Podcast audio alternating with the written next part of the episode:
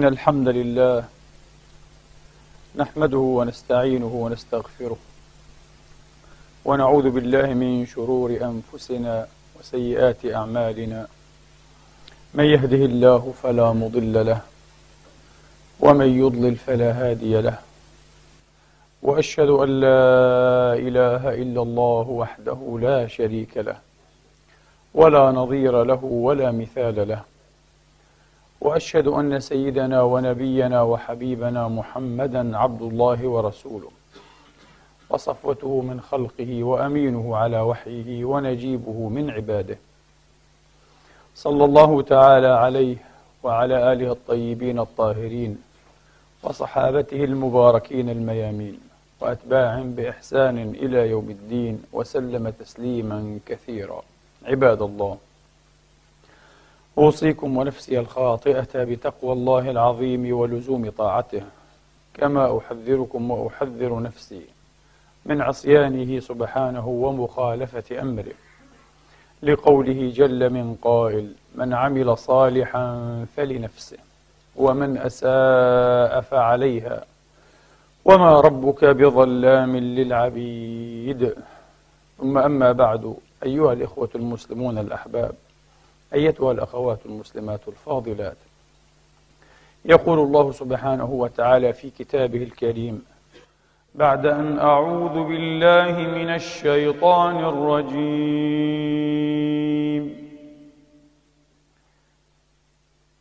بسم الله الرحمن الرحيم. من يهد الله فهو المهتدي ومن يضلل فأولئك هم الخاسرون. ولقد ذرأنا لجهنم كثيرا من الجن والإنس كثيرا من الجن والإنس لهم قلوب لا يفقهون بها ولهم أعين لا يبصرون بها ولهم آذان لا يسمعون بها أولئك كالأنعام. أولئك كالأنعام بل هم أضل. ولقد ذرأنا لجهنم كثيرا من الجن والإنس كثيرا من الجن والإنس لهم قلوب لا يفقهون لهم قلوب لا يفقهون بها. ولهم أعين لا يبصرون بها ولهم آذان لا يسمعون بها أولئك كالأنعام بل هم أضل أولئك هم الغافلون ولله الأسماء الحسنى فادعوه بها وذروا الذين يلحدون في أسمائه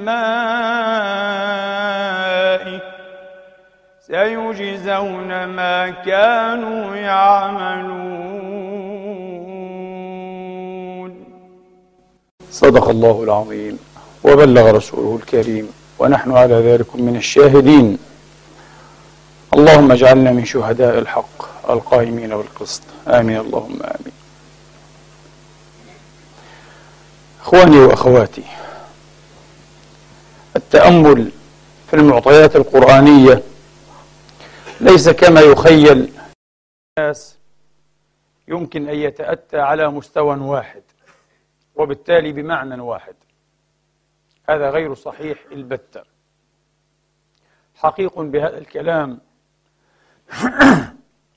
العلوي الجليل أن يصلح دائما وأبدا لأن ينظر إليه ويتعاطى معه على مستويات مختلفة. ومن ذلكم إصرار القرآن العظيم في غير ما موضع على نفي سماع قبيل من الناس أنفار من الناس. كنفيه إبصارهم. يسمعون ولا يسمعون. كالذين قالوا سمعنا وهم لا يسمعون. وقد آيس القرآن العظيم رسول الله صلى الله عليه وآله وسلم تسليما كثيرا. من إسماع هؤلاء. واصفا إياهم بالموتى وبالصم على أنهم عضويا أيها الإخوة لم يكونوا صما ولم يكونوا من الأموات بالمعنى المطروق للموت. كانت آذانهم تعمل ميكانيكيا عضويا لكن القرآن يؤكد أنهم لا يسمعون. في الحقيقة هذا ليس مجازا.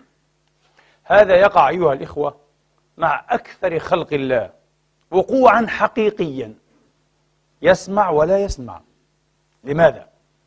لأنه متورط أيها الإخوة في وهم امتلاك الحقيقة. متورط في وهم امتلاك الحقيقة.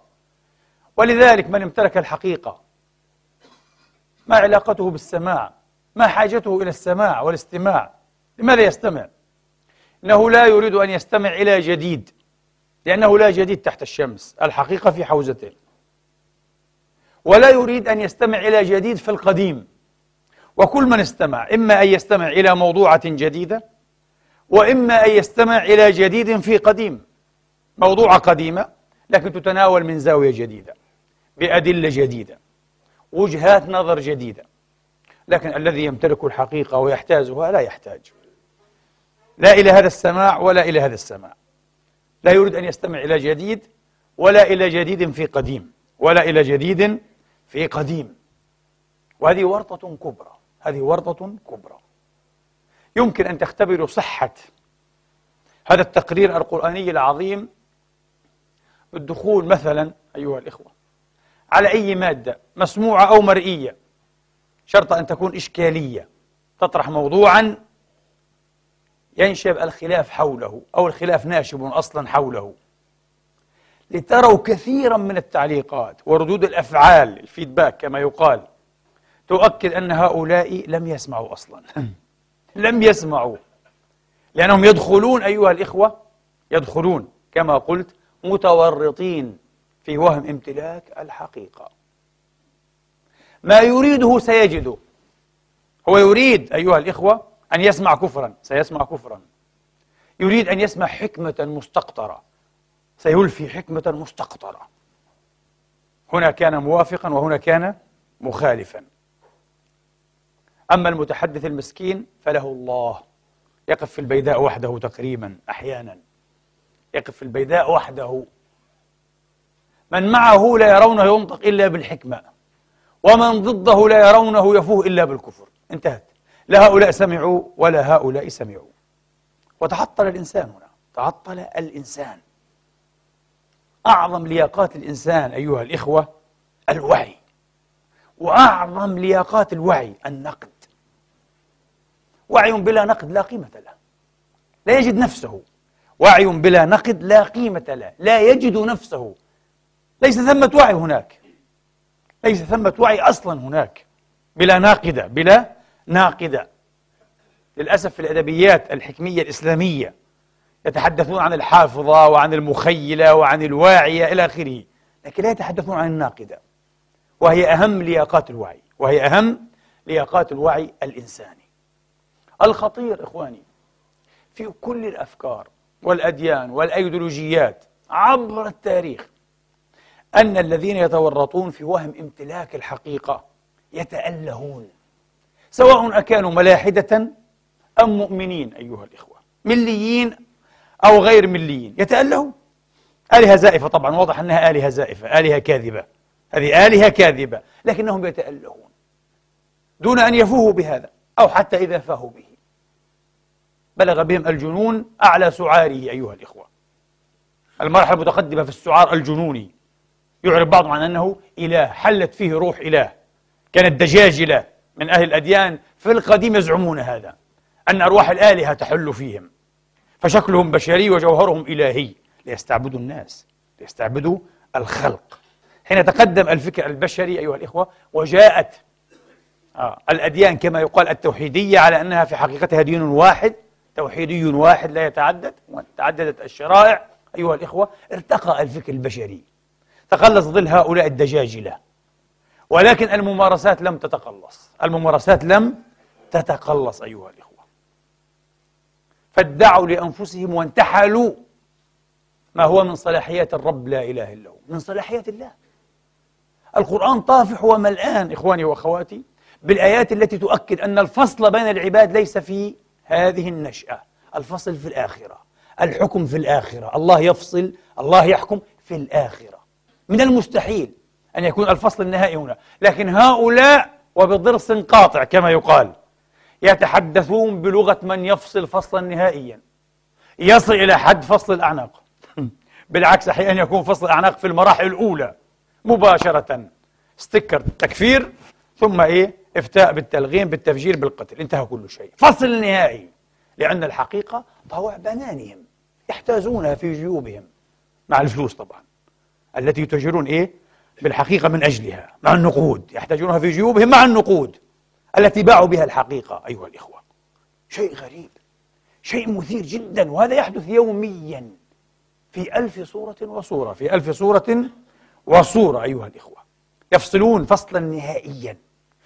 كيف لا يفصلون؟ وهم يقطعون أيها الإخوة يقطعون في باب الحقائق والأوهام.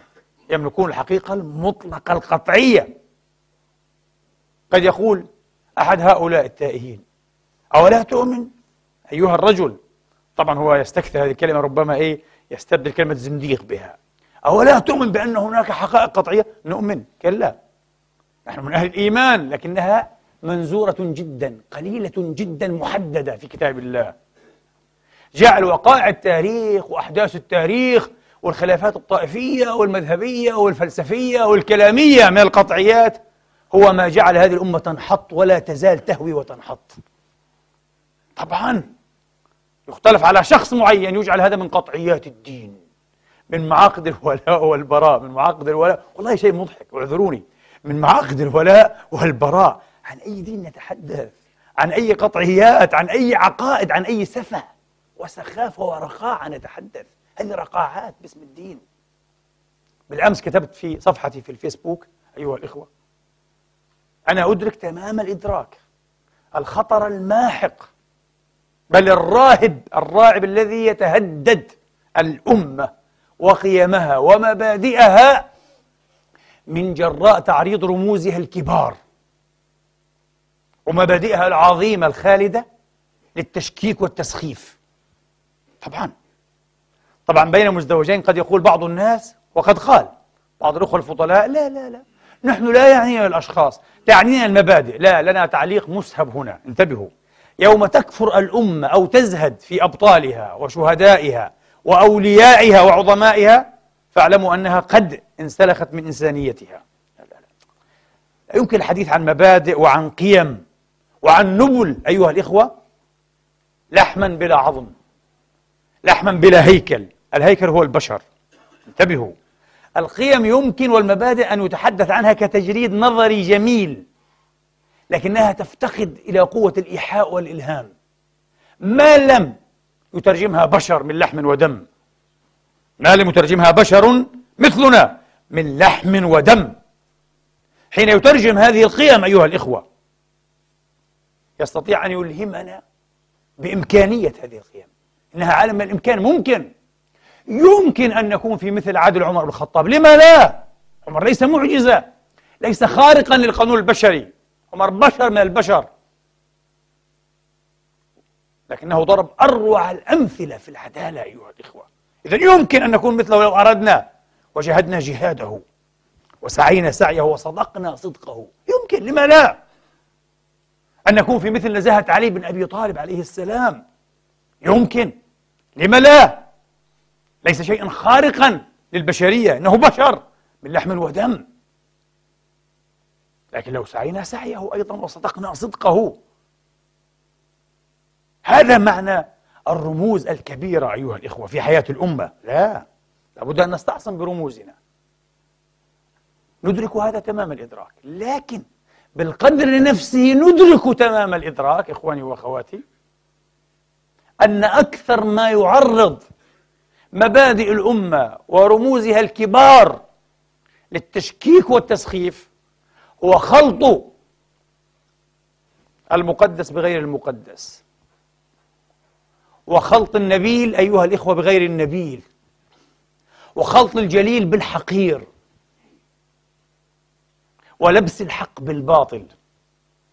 ويقدم هذا كله على أنه مبادئ الأمة ورموزها الكبار. يسهل على أي كان حتى من ذوي النوايا الحسنة والطوايا الطيبة. أن يقول لا لا لا, لا هذا ليس مبدأ صالحا. هذا مبدأ ضد العدالة. هذا شيء مقبوح. ثم هذه الشخصية هذا الرمز كمعاوية مثلا ليكون صريحا معكم. هذه الشخصية كريهة. هذه شخصية مقبوحة. أتحدى بين قوسين. أتحدى. انزعوا خصائص هذا الرجل. انزعوا تاريخ هذا الرجل. على نبي مزعوم. ادعوا أن هناك نبيا ما. نبيا ما. وادعوا أن أوصاف هذا النبي وخصائص هذا النبي كذا هي هذه الخصائص. ستكفر به العالمون. سيكفر به العالمون. لن يقبله أحد. أنا فقط لطفت العبارة. لا أحب أن أقول لو نسبنا هذا إلى النبي نفسه سنحمل الناس على أن يكفروا بديننا. فلما نحمل الناس على أن يكفروا بديننا؟ من أجل غير نبي. من أجل رجل يجب أن يخضع هو وغيره. للمعيار الديني لمعيار القيم الإسلامية. قطعا لابد أن يخضع له يا أخي.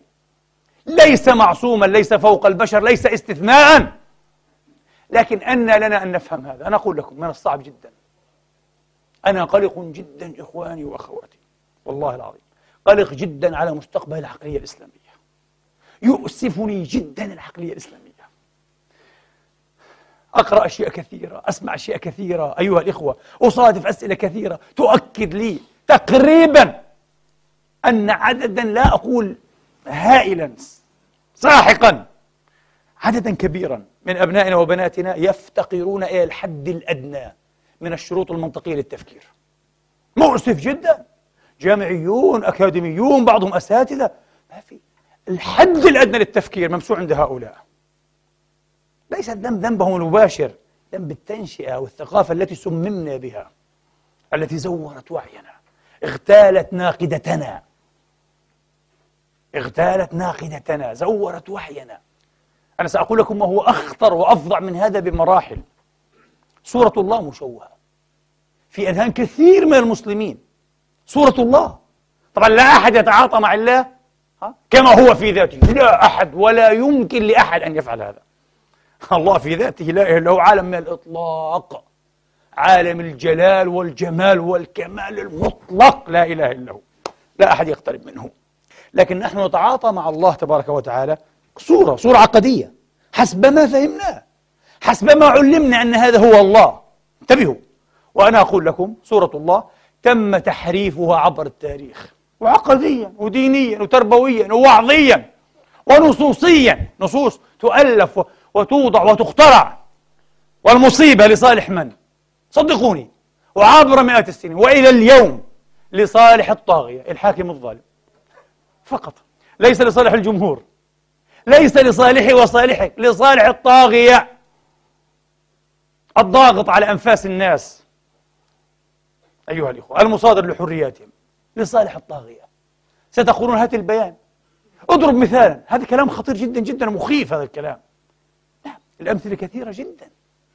نحن علمنا منذ نعومة الأظفار. أنا قرأت هذا وسمعت عشرات المرات. وكاد يرسخ في ذهني. إني أنا الله أرضى. وإذا رضيت باركت. ولا حد لبركتي. وبارك بركة عظيمة خلاص. تلحق الأحفاد بالأجداد. جميل. وإني أنا الله أغضب. وإذا غضبت لعنت. ولعنتي تبلغ السابع من الولد. الله الله الله الله. هذا الله؟ حين نستمع إلى أمثال ستيفن واينبيرغ يقول أنا لا أؤمن بالإله. ملحد. حاصل على جائزة نوبل في الفيزياء وملحد. قال لا أؤمن بالإله. طبعا حكمه صحيح أنا قلت حكمه صحيح 100% الإله الذي كفر به واينبيرغ ينبغي أن نكفر به نحن أيضا. قال هذا الإله الدموي النزق. الغضوب غير العادل المستعجل الندمان. يتصرف ثم يندم. طبعا هذا إله ليس إله المسلم ليس إله القرآن. وقد يكون إله بعض المسلمين انتبهوا. مثل هذا الإله الذي وصفته قبل قليل. أغضب وإذا غضبت لعنت ولعنتي تبلغ السابع اللهم إني أبرأ إليك من هذا. من هذا الكذب الإفك المبين على جلال قدسك يا رب العالمين. من هذا الإلحاد في أسمائك وصفاتك. ولله الأسماء الحسنى. فادعوه بها. وذروا الذين يلحدون في أسمائه. قد يقول لي أحد هؤلاء أيضا يا رجل يا رجل هذا الحديث أين وجدته؟ هذا موضوع. أعلم أنه موضوع. وطبعا لابد أن يكون موضوعا. طبيعي جدا. وقد يكون صحيحا عند بعضهم. وهذا الصحيح موضوع أيضا. هذا الحديث موضوع مكذوب. لكنه أيها الإخوة يملأ كتب الوعظ والإرشاد أه؟ للأسف والمغفلون من الوعاظ يكررونه. على كل حال رغم كونه موضوعا إلا أنه يتعزز بعشرات النصوص والأدلة الأخرى الحديثية ليست القرآنية الصحيحة والحسنة. ما رأيكم؟ أدلة كثيرة في الصحاح أيها الإخوة وفي السنن وهي أدلة مقبولة من صحيح وحسن تؤكد أن معنى هذا الكذب صحيح وفي الحقيقة لا يمكن أن يكون معناه صحيحا. معناه باطل قولا واحدا بلا مثنوية لا ثانية في المجال أبدا. أحاديث كثيرة أيها الإخوة. عند الشيعة انتبهوا وعند السنة. ليس فقط عند السنة عند الشيعة وعند السنة. وذكرت هذا قبيل أيام. عند إخواننا الشيعة ترون في كتبهم ويوصى بهذا ويتلى في المزارات وكذا. مهم جدا استحسن بهذا جميل جدا دعاء عظيم. دعاء دعاء بسيط هكذا. وفيه تمجيد يعني ورثاء أهل البيت عليهم السلام. وبعدين ومن قال هذا الدعاء آتاه الله أجر سبعين ألف نبي الله سبعين ألف نبي بكلمات أقولها في نصف دقيقة ليه؟ إيش هالعبط هذا؟ الإله الذي يفعل هذا هذا هذا عبط هذا هذه ليست رحمة هذا كذب سبعين ألف نبي وسبعين ألف شهيد وسبعين ألف ولي وسبعين ألف ملك وسبعين ألف والله نسيت هذه السبعينات الألوفات هذه سبعين ألف سبعين ألف سبعين ألف إيه؟ فقط قول واضح أن الذي كذب هذا الكذب المبين هو أحد الزنادقة أقسم بالله أراد أن يدمر ضميركم الإسلامي حسكم الروح بالكامل يقول لك عليك أن تزني وأن تقتل وأن تسرق وروح اتلو دعاء زي هذا أنت تفوق سبعين ألف نبي أي دين هذا؟ أي تربية؟ هل يمكن أن يستلم من هذا مناهج تربوية؟ على فكرة نحن نتربى على أمثال هذه الأفكار الله يقول وأنا فقط أتساءل لكن سأخص هذا الموضوع بحلقة أو بحلقات موضوع الشفاعة. لابد أن يخص بحلقات موسعة مسهبة ومقارنة. باختصار الله يقول ولا يشفعون عن الملائكة إلا لمن ارتضى وهم من خشيته مشفقون. حتى الملائكة يشفقون خشية لله تبارك وتعالى. يشفقون من خوفهم لله تبارك وتعالى على أنها كائنات لا تأثم لا تتورط في الحرام ولا في المعاصي كائنات منزهة عن هذا. ولا يشفعون إلا لمن ارتضى. نعم. اللفظ أيها الإخوة يحتمل لمن ارتضى أي من عباده أي لمن كان مرضيا من عباده. ويمكن أن يكون المراد من الآية ولا يشفعون إلا لمن ارتضى الشفاعة فيه حتى من غير المرضيين نعم. نعم ندرك هذا. لكن هل أنا أسألكم الآن كمسلمين ومسلمات؟ آه. ومن سيسمعني ومن بلغ كما يقال؟ أسألكم. هل عن لكم حين تلوتم سورة الأنبياء. وقرأتم هذه الآية. أن تتساءلوا عن معنى الآية؟ أم أنكم افترضتم افتراضا إيه قطعيا؟ أن المعنى هو معنى واحد محدد ولا يشفعون إلا لمن ارتضى الشفاعة فيه.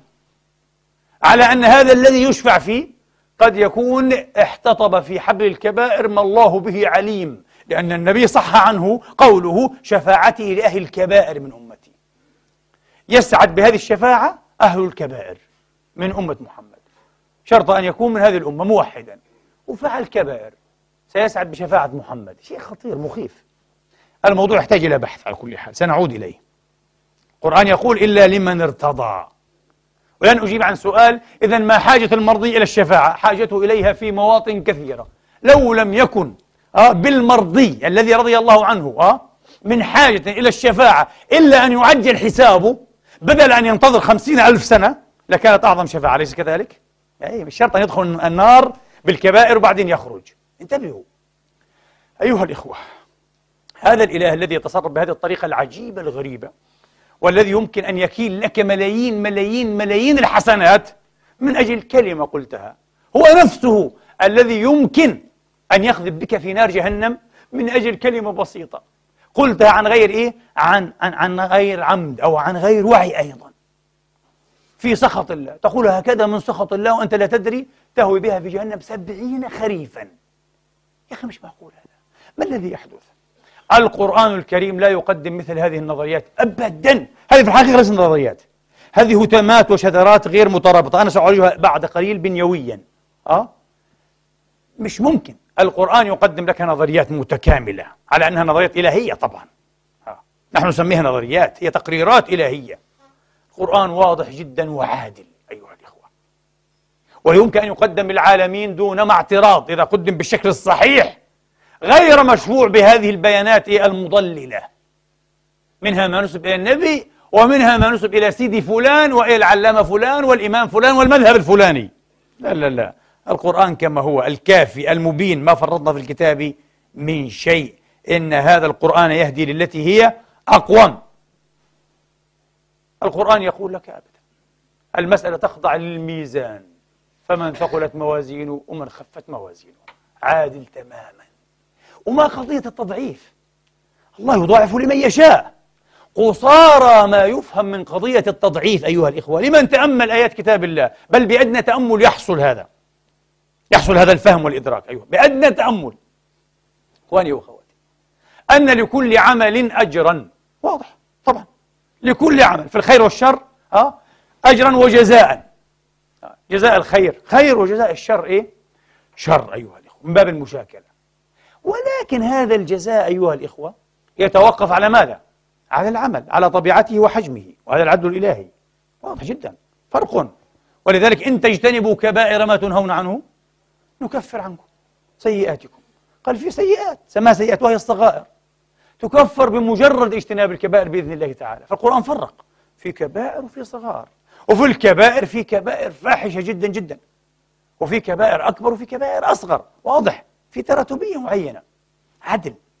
كل عمل أيها الإخوة له جزاء. في عليه جزاء معين. الآن العمل الخير العمل المبرور المبارك له جزاء بحسبه. مستحيل أجر الحاج كأجر إنسان إيه قرأ إيه جملتين أو سطرين دعاء قال لك. مستحيل إيش هذا؟ فرق كبير جدا. ولكن كل أجر قابل للتضعيف. أجر الحاج يمكن أن يضاعفه الله. وأجر من تلا دعوة في عشر ثواني يضاعف أيضا. لكن يضاعف هذا أي بأصله. أصله صغير فيضاعف. والكبير يضاعف. عدل. هذا عدل. لكن لا تقل لي ألعن. وإذا لعنت بلغت لعنتي السابعة من الولد. ما ذنب الأول؟ ما ذنب الثاني ما ذنب السابع. حاشا لله لا تزر وازرة وزر أخرى. كل نفس بما كسبت رهينة ولا يظلم ربك أحدا. كيف نتلو هذه الأشياء يا أخواني؟ كيف نتلوها؟ عجيب جدا. فصورة الإله أيها الإخوة تشوهت. تعلمون لماذا؟ كما قلت لكم. لكي تطابق صورة الإله صورة الحاكم النزق الظالم. الذي يعطي ويمنع لا بخلا ولا كرما ولكنها هناة من وساوسه. أحد الوزراء العباسيين كان دائما في حالة خوف المسكين. أه؟ كالمرأة الماخض تكاد تضع. وزير. قيل له يا رجل لما أنت في هذه الحالة من القلق والخوف والفزع؟ قال لا أدري لأن هذا الخليفة هذا الخليفة إذا رضي يعطي مئة ألف لا شيء. يعطيك مئة ألف دينار. وإذا غضب قتل قال يقتل.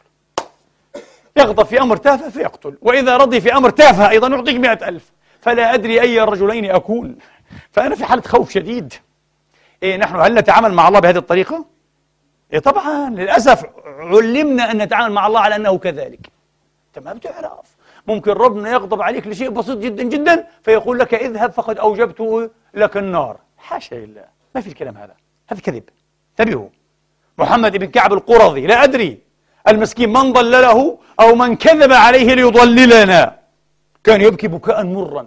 فتقول له أمه يا بني والله ما علمتك وأنا اقتبست هذه المقبوسة مرة وأستغفر الله. طبعا شفتوا؟ قلت لكم.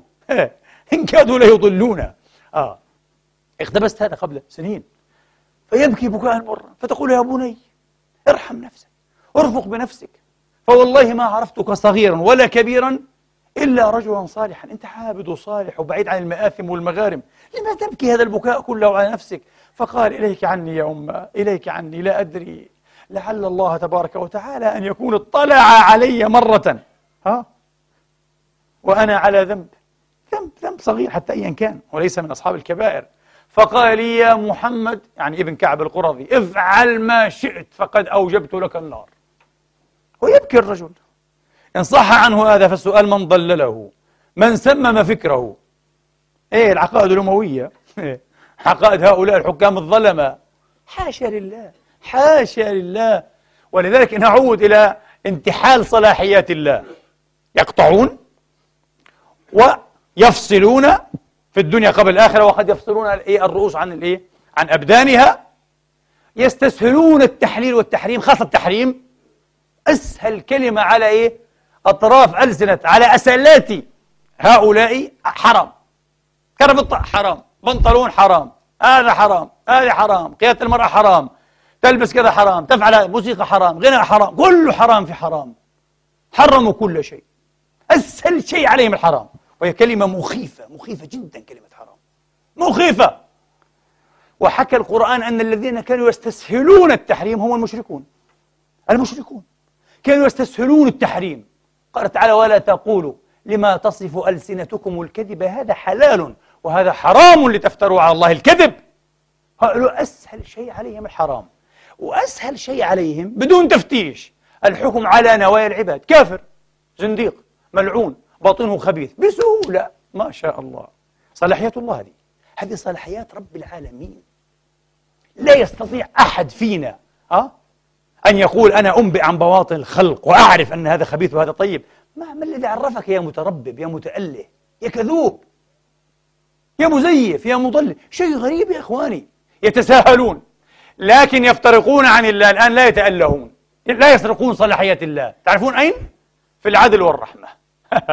الله تبارك وتعالى حين يعامل الواحد منا أحدنا يعامله بكليته على أنه بشر يخطئ ويصيب فيه خير وفيه شر فيه نور وفيه ظلام. لا أحد يستطيع أن يمسك الخير والشر بيده.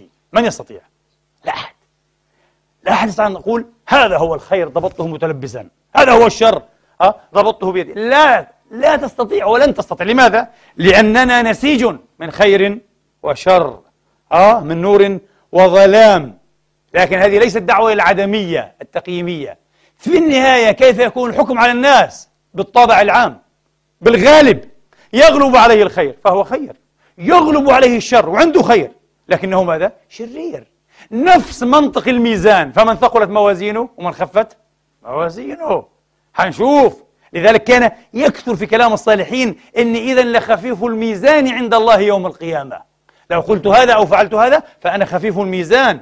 المهم هو الميزان لا يتعاملون بمنطق الميزان الإلهي. أبدا. يتعاملون بمنطق عجيب منطق الآلهة الزائفة النزقة منطق الحاكم الظالم الذي يعطي مئة ألف في لا شيء ويقطع الرأس في لا شيء. انتبهوا هؤلاء هم الذين يسرقون صلاحية الله. وباسم ماذا؟ باسم الخطاب الديني باسم المشيخة باسم عجيب باسم الدين باسم السنة. سنة محمد صلى الله على محمد محمد براء من كل هذا الخلط والخبط أيها الإخوة والافتراء والزيف. في القرآن الكريم إخواني وأخواتي من الذين تسلحوا بمنطق القتل والتشريد والتذبيح والرجم؟ قولوا لي بالله من؟ الكفار. كان دعاة الحق وأتباع الحق تقريبا على الدوام هم الضحايا. لئن لم تنتهي يا نوح لتكونن من المرجومين. وعشان ما تخربطوش يبدو أن نوحا عليه السلام كان في مرحلة ربما كان مجتمعه هو كل البشرية المجتمع الصغير. لذلك هنا لا يليق من أي المخرجين. ما في وين يخرجوا ما في. هذا العالم كله. لذلك المرجومين نقتلك في مكانك. هذه فقط ملاحظة تفسيرية. أها منطق الرجم. آزر يقول إيه لابنه أو لابن أخيه إبراهيم على اختلاف المفسرين. ها؟ لئن لم تنتهي لأرجمنك. واهجرني مليا برضه أرجمنك يعني؟ الرجم؟ منطق الكفار نفس الشيء. في زمان نوح في زمان إبراهيم. الرجم الرجم القتل. اقتلوا أبناء الذين آمنوا معه واستحيوا نساءهم. في غافر ها؟ قتل واستحياء ها؟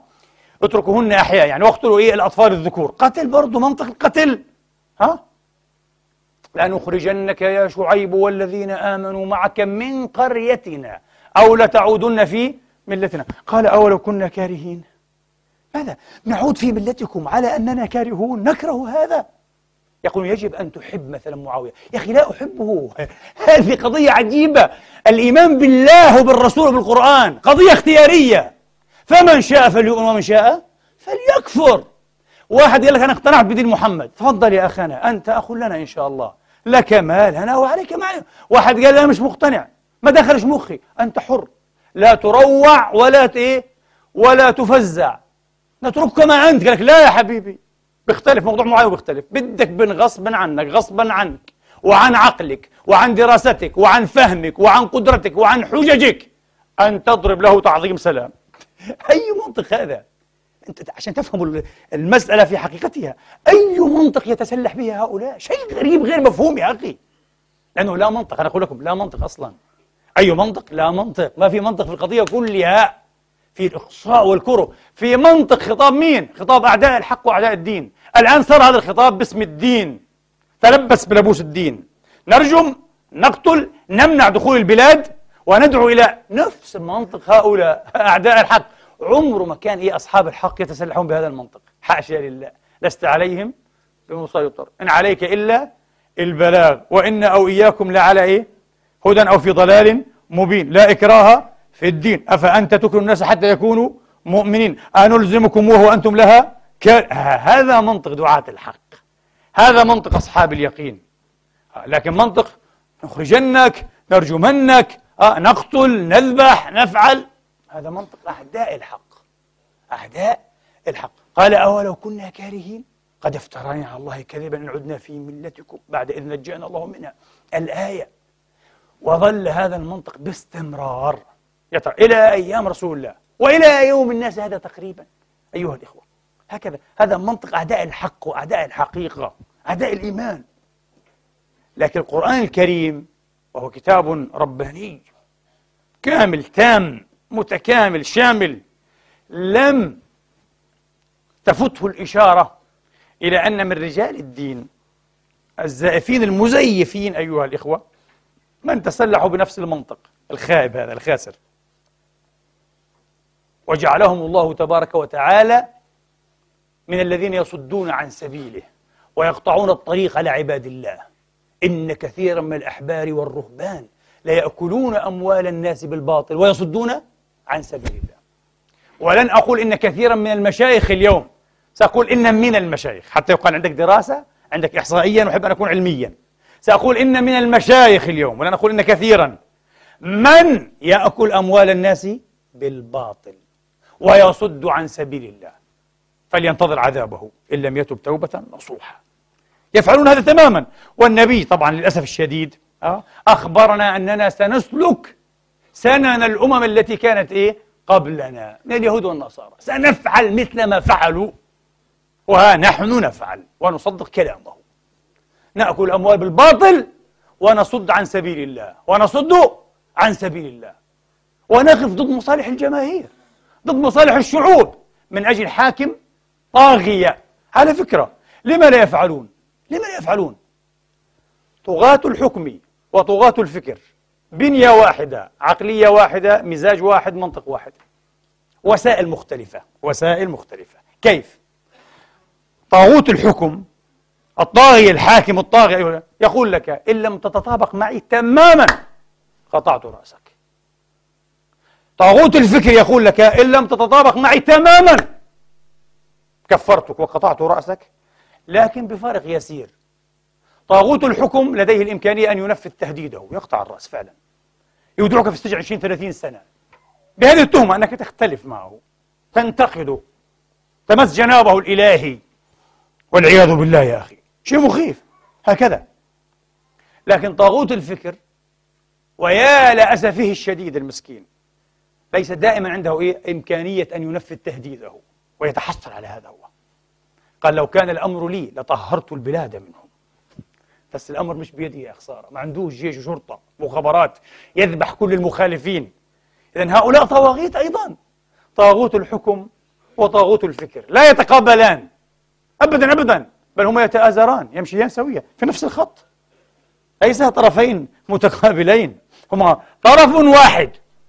ما الذي يقابلهم؟ الأحرار. البشر الأحرار. الناس الأحرار. يقابلون هؤلاء وهؤلاء معا. وعلى فكرة لا يمكن التخلص من طواغيت الحكم. إلا بعد أن نتخلص من طواغيت إيه؟ الفكر والأفكار. انتبهوا طبعا. بعض الناس يقول يا أخي لماذا؟ لماذا تنبش التاريخ؟ قال تنبش كأنه غير منبوش ورائحته فائحة. غير منبوش. وعلى فكرة مما يغيظ هذا يغيظني بشكل شخصي ويحنق مما يغيظ أنهم يمجدون التاريخ تمجيدا. معظم دروسهم الهزلية هذه والمسرحيات الفضائية هذه قصص على فكرة وحكايات آه؟ زي ألف ليلة وليلة يعني. بس ألف ليلة وليلة إسلامي يعني طراز إسلامي. وراحوا أجوا وقطع راسه وعمل له له قصص قصص يحكون قصص. جميل نحن لسنا ضد القصص ما في مشكلة. لكن هم يمجدون التاريخ آه، من الجانب الإيجابي كما يرونه. والجانب السلبي اسكت قطع الله لسانك. إيه،, إيه؟ معناها المصيبة الآن مش فقط الصحابة معصومون فقط. لا لا. الأمة كلها معصومة يبدو. التاريخ الاسلامي معصوم. ها؟ تاريخ الأمية وتاريخ العباسيين وتاريخ المماليك وتاريخ الأتراك. التاريخ كله معصوم. ممنوع أن تتحدث عن شيء يشين هذا التاريخ. ثم يقولون آه مزهدين في درس التاريخ. لا لا لا لا. أنتم تحبون التاريخ لكن تاريخ المخدرات الماريجوانا الأفيون. تاريخ الأفيون لا تحبونه تاريخ النقد والوعي والدرس والتحليل وإعادة الفهم لا محرم علينا. محرم على الأمة هذه. لكن فات القطار ما عاد ما عاد. الفرصة فقط للأذكياء. أنا أقول لكم صدقوني الحقيقة تجد نفسها دائما في أحضان الأذكياء الأيقاظ. وتذوب وتضيع وتضل بين الأغبياء البلداء الذين يتمعيشون بتعزيز مزاج البلادة وأجواء الجهل والامتثالية. في سؤال هنا يطرح نفسه الآن ثار في ذهني أيها الإخوة. هذا النمط من البشر هذا النمط من الخطاب واضح جدا نظريا وعمليا أنهم أبعد لا أقول من أبعد خلق الله من إرادة السعادة والخير والنجاة لعباد الله. مش ممكن يكون الذي يفرح فرحا مجنونا بتكفير الناس وكفر الناس وهذا كفر وهذا تزندق وهذا مشرك وهذا مبتدع يفرحون بهذا بشكل غير طبيعي. حتى لم يكد ينجو منهم أحد. الشيخ القرضاوي كفروه الشعراوي كفروه أه؟ الشيخ الألباني كما قلنا مرجي سلمان العودة حكوا فيه ما شاء الله. عائد القرني ما, فيش واحد حتى من أبنائهم. ما في. كله كافر زنديق إبليس ملعون كذا عميل مدفوع. شيء غريب جدا جدا. يفرحون فرحا مجنونا. ها؟ بتكفير الناس. طبعا لا يعيشون إيه بغير تكفير وبغير كفار وبغير كفر. هم يعيشون بهذا أصلا. ها؟ جميل جدا. ها؟ ثم يفترون الكذب على عباد الله البراء يؤلفون من عندهم تأليفا ويقتطعون. يقتطعون الكلام. أنا أقول لك كلام الله يمكن أن يقتطع. وسيخدم أهداف نقيضة لأهداف كلام الله. وبسهولة. كما قال أبو نواس الحسن بن هانئ. ما قال ربك ويل للأولى سكروا ولكن قال ويل للمصلين. الله قال فعلا ويل للمصلين. إيه، اقتطع أنت. وسوف تأتي من القرآن بمقتطعات كثيرة. أيها الإخوة. تخدم أهداف ضد القرآن الكريم. لا أحد ينجو من هذا. هذه عملية سهلة جدا وسخيفة رقيعة يعني. كل أحد يحسنها. يفعلون هذا ويكذبون ويعلمون أنهم يكذبون ويعلمون أن الناس يعلمون أنهم يكذبون ولكن يكذبون تعرفون لماذا؟ الانهيار ليس في العقل والمنطق في القيم أيضا والسلوكيات لا حياء لا يخجلون يكذبون على الجماهير ويقسمون الأقسام المغلظة ثم يظهر كذبهم بالألوان بالصوت والصورة ثم يزعقون في نفس اليوم باسم الدين أين الحياء؟ أين الخجل؟ لو كان عند هؤلاء ذرة حياء لدفنوا أنفسهم بالحياة كما يقال لدفنوا أنفسهم في بيوتهم. لكن إذا لم تستحي فاصنع ما شئت. الانهيار على كلا مستويي العقل والمنطق والقيم والسلوك أيضا. طبعا هناك قصص وأشياء تصلون من أشخاص ثقات. أشخاص لا أستطيع على منبر رسول الله أن أذكرها أصلا. والله العظيم تقشعر لها الأبدان. انحرافات مسلكية خطيرة. من أخطر ما يكون وبنسب مدروسة نسب في دولهم مدروسة نسب 60% 70% شيء مخيف جدا جدا جدا. تعرفون لماذا؟ لأن هؤلاء كما قلت يكذبون حتى على أنفسهم. ليس على الناس يكذبون على أنفسهم ويصدقون. يصدقون إيه؟ أنفسهم بكذبهم والعياذ بالله. طيب السؤال إذا كان هؤلاء بهذه المثابة أو منهم من هو بهذه المثابة فلما يحرصون الحرص الشديد المسعور على دعوة الناس وتحشيد الناس. هي مش دعوة تحشيد. تعرفون التحشيد؟ تعبئة زي تعبئة الجيش يعني. تحشيد كراود يجعلون الناس حشدا حشدا. آه. لا لا رغبة في خير الناس أبدا. لا والله ما رغبوا خير الناس ولا يرغبونه إلا من رحم الله منهم. ولكن رغبة في خلق هيراركية تراتبية يتسنمون هم فيها ذرى الحكم والتوجيه أيها الإخوة. ليكونوا هم الشيوخ هم العلماء. هم القادة والموجهين. أها هذه قصة. انتبهوا. وهذا يستحيل أن يتم لهم بغير التحشيد. والتحشيد لا يتم بغير ماذا؟ الامتثالية والعبودية. امتثالية. سمعنا وأطعنا. هذا كفر هذا إيمان. سمعنا وأطعنا. افعلوا هذا تفعلوا. سمعنا وأطعنا. ممتاز جدا جدا. قطيع. أنت الآن أمام قطيع. هذا القطيع. يمكن حشده في ساعات في أيام. بأكاذيب باهتة صفراء لا طعم لها ولا لون.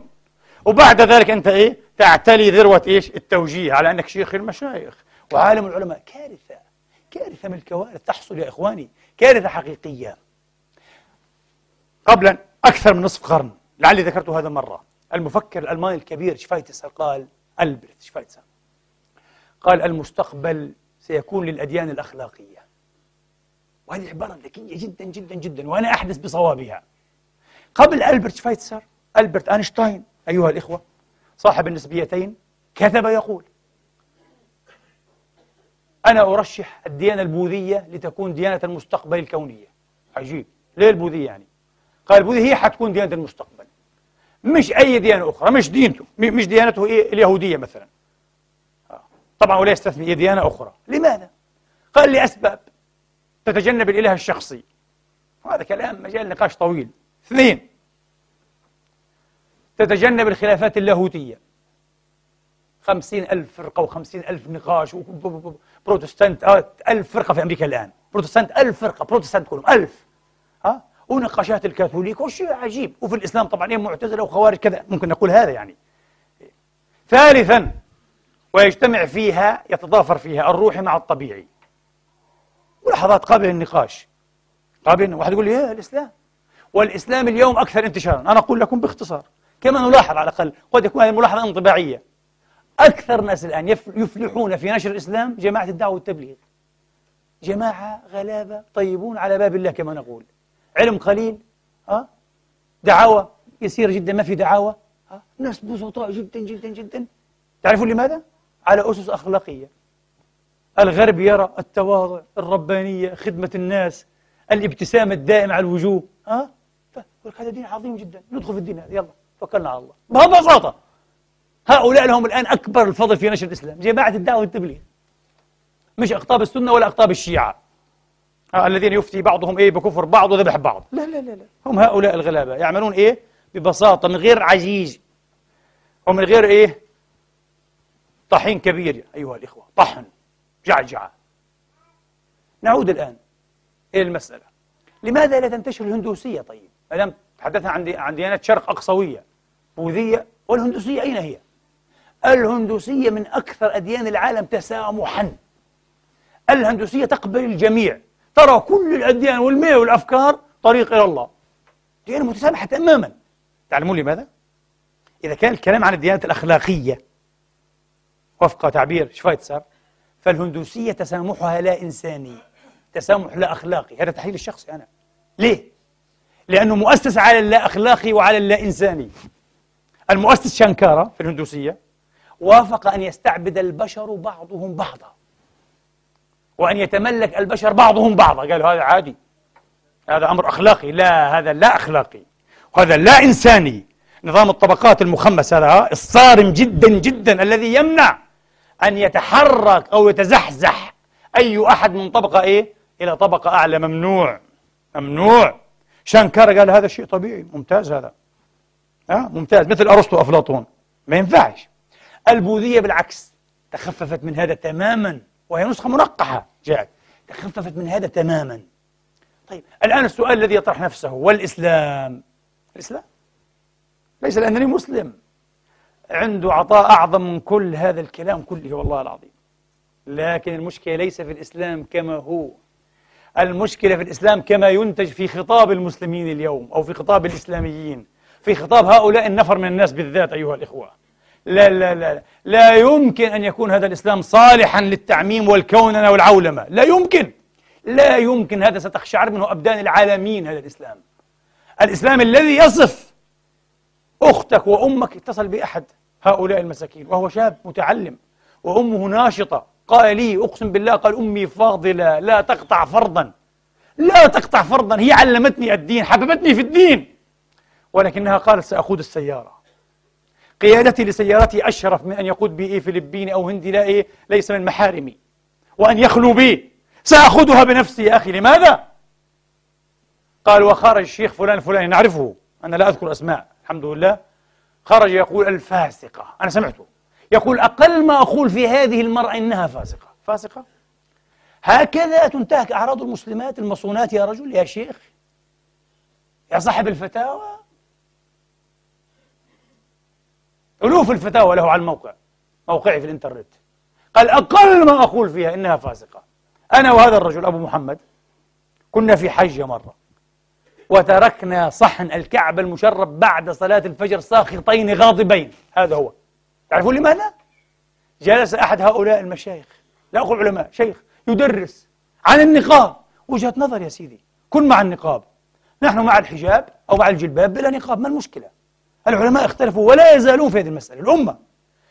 قال وكل من لا ينقب زوجته ولا يلزمها بالنقاب ديوث. قلت له اخرج يا فوزي نحن ديوثون. ما عدت أجلس في هذا المكان صح؟ قلت له سأهرب من هذا المكان. لقد سببنا أي منطق هذا يا أخي؟ ستصدر الدين بهذه العقلية؟ بهذا الانغلاق؟ بهذا التعصب؟ بهذه القطعية؟ سببتمونا وسببتم أعراضنا وسببتم شرفنا؟ ماذا بقي للناس؟ ليفينياس كتب مرة يقول الإنسان ما يفرق بينه وبين غير الإنسان أن الأول هو من يكترث إيه بالآخرين. كل من عنده اكتراث بالآخرين هو الإنسان. اكتراث بمشاعرهم بأحاسيسهم بأوضاعهم بظروفهم بشروطهم. تفهم لها. هو هذا الإنسان. فأي خطاب غير إنساني ينتجه ويمضغه هؤلاء البشر من الناس هؤلاء الأنفار من الناس. نسأل الله لنا ولهم والمسلمين والمسلمات أجمعين الهداية والتسديد والتوفيق وأن يجعلنا الله ممن يسمع ويبصر وممن يفقه ويعقل. أقول قولي هذا وأستغفر الله لي ولكم فاستغفروه.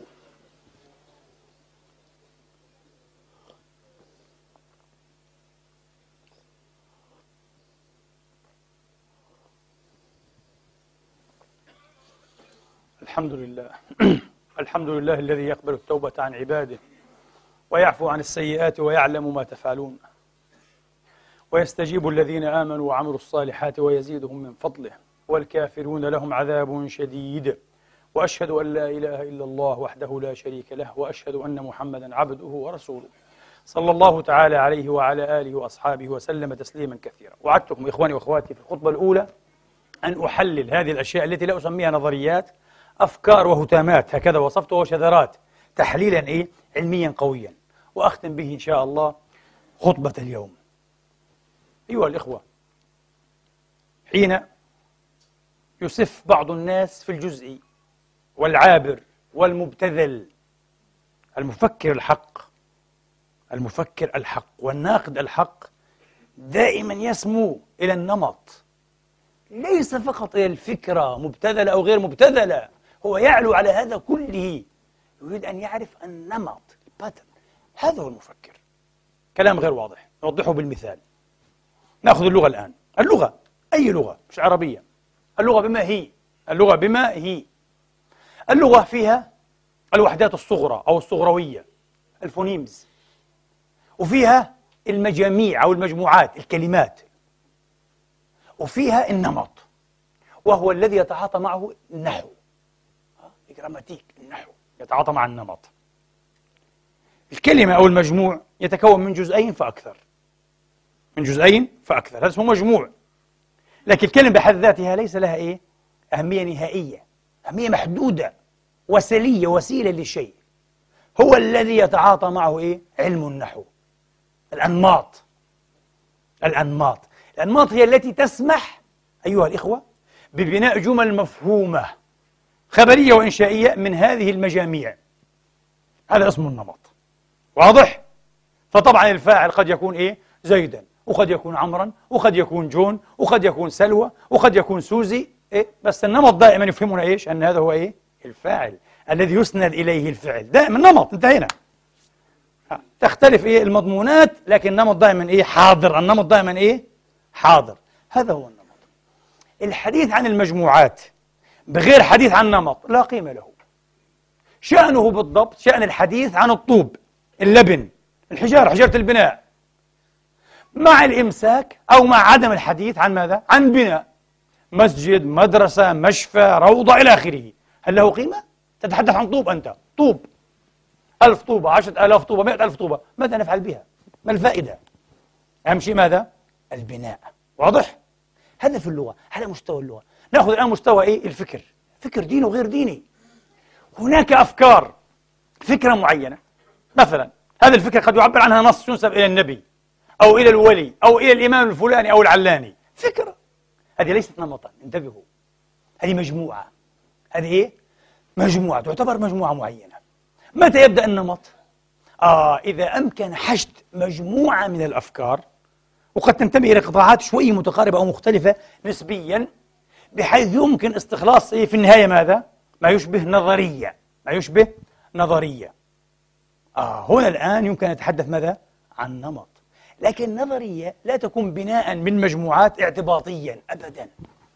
تكون بناء محكوما بمنطق. هذا المنطق هو نفسه النمط. هو نفسه النمط.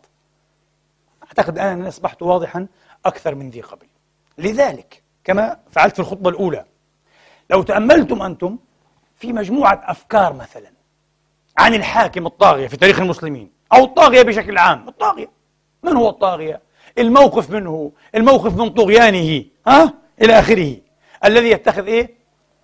شكل فتوى أيها الإخوة أو شكل سلوك معين في التقرب منه الدفاع عنه إلى آخره. آه. هذا الطاغي أيها الإخوة المواقف منه تحكي نمطا معينا.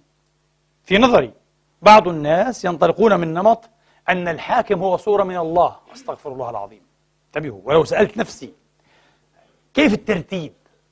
الله في ذهن هؤلاء على صورة الحاكم الظالم أو الحاكم الظالم على صورة الله؟ سؤال حرج.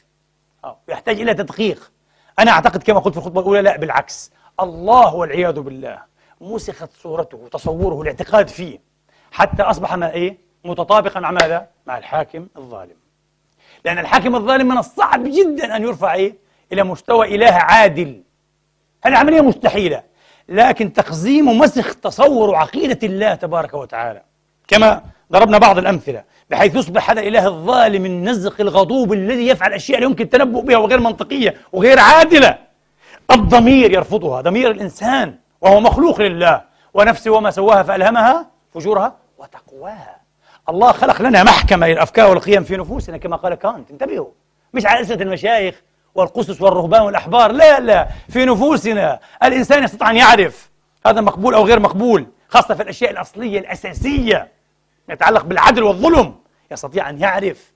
فلذلك هذا هو النمط الحاكم في تفكير هؤلاء ومن هنا وأختم بهذه الجملة تقديسهم وولاؤهم المطلق للحاكم أيا كان هذا الحاكم ظالما عادلا مسلما والمصيبة الأعظم حتى كافرا قال لك وإن كفر المفروض لا نثور عليه لا نخرج عليه ها لا نحدث فتنة وشغب ننصح له ننكر عليه بالتي هي أحسن لكن لا نخرج عليه.